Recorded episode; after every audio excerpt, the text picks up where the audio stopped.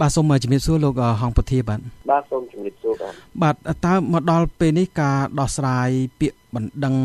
ទៅខាងគណៈកម្មាធិការជាតិរៀបចំការបោះឆ្នោតអាចនឹងមានដូចថាភាពចិត្តបញ្ចប់ឬក៏អាចនឹង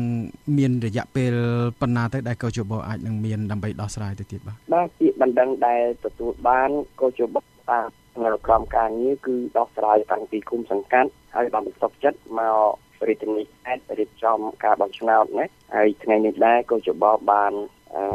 ធ្វើការបើកសវនកម្មនិងសម្រាប់នៅបណ្ដឹងមួយពាក់ព័ន្ធនឹងករណី5នាក់នៅក្នុងខេត្តបាត់ដំបងដែលជាបណ្ដឹង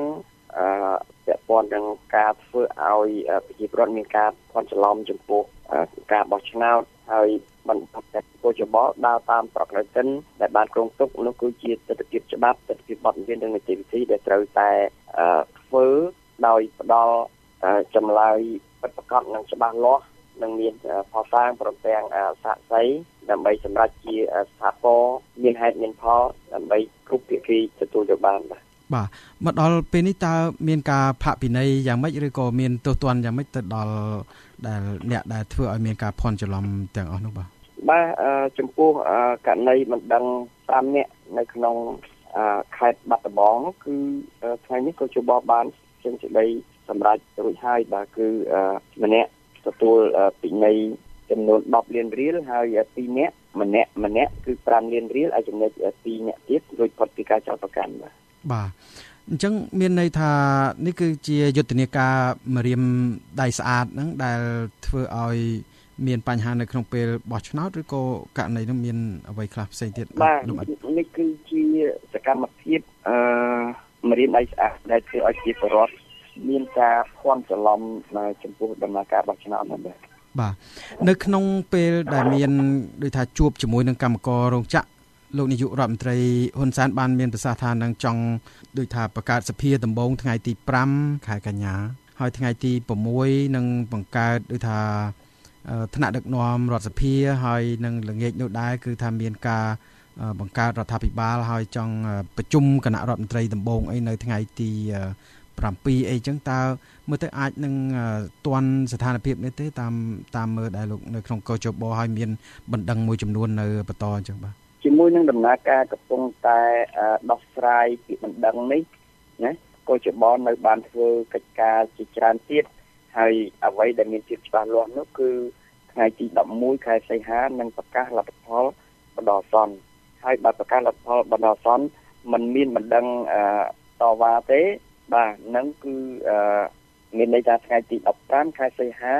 ប្រកាសលទ្ធផលផ្លូវការតែម្ដងអញ្ចឹងការកំណត់រយៈពេលនេះក៏ជាបមិនអាចកំណត់បានទេណាពីព្រោះត្រូវអនុវត្តទៅតាមនីតិវិធីហើយ រងចាំមើលថាតើមានបណ្ដឹងឬអត់ក្រោយពីការប្រកាសលទ្ធផលបណ្ដោះអាសន្ននៅថ្ងៃទី11ខែសីហាបាទបាទអញ្ចឹងលោកមានប្រសាសន៍ពីរឿងបណ្ដឹងហ្នឹងបណ្ដឹងពីគណៈបកនយោបាយទាំង19ឬក៏20ហ្នឹងឬក៏មានបណ្ដឹងពីខាងណាផ្សេងទៀតដែរបាទខ្ញុំចង់មានន័យ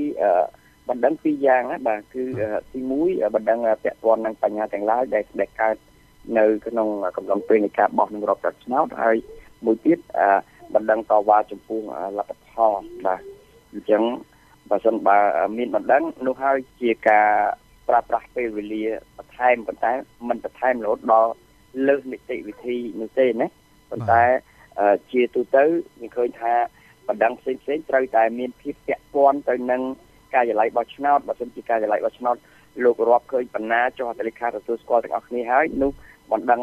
មក ថ្នាក់ខេត្តឬក៏ថ្នាក់ជាតិរៀបចំការបោះឆ្នោតឬក៏ទៅក្រមប្រសាធម្មនុញ្ញហ្នឹងគឺมันមានប្រសិទ្ធភាពអីនឹងចូលមកដោះស្រាយនោះទេបាទបាទអញ្ចឹងមកដល់ពេលនេះលោកមិនអាចបញ្ជាក់បានថានឹងមានបណ្ដឹងខ្លះទៅកាន់ក្រមប្រឹក្សាធម្មនុញ្ញឬក៏មិនមាន គឺมันអាចទេវាអាស្រ័យទៅលើក្រោយពេលដែលដូចថាប្រកាសលទ្ធផលរបស់ឆ្នោតហ្នឹងមែនទេឬក៏ចាំមកបាទត្រូវការ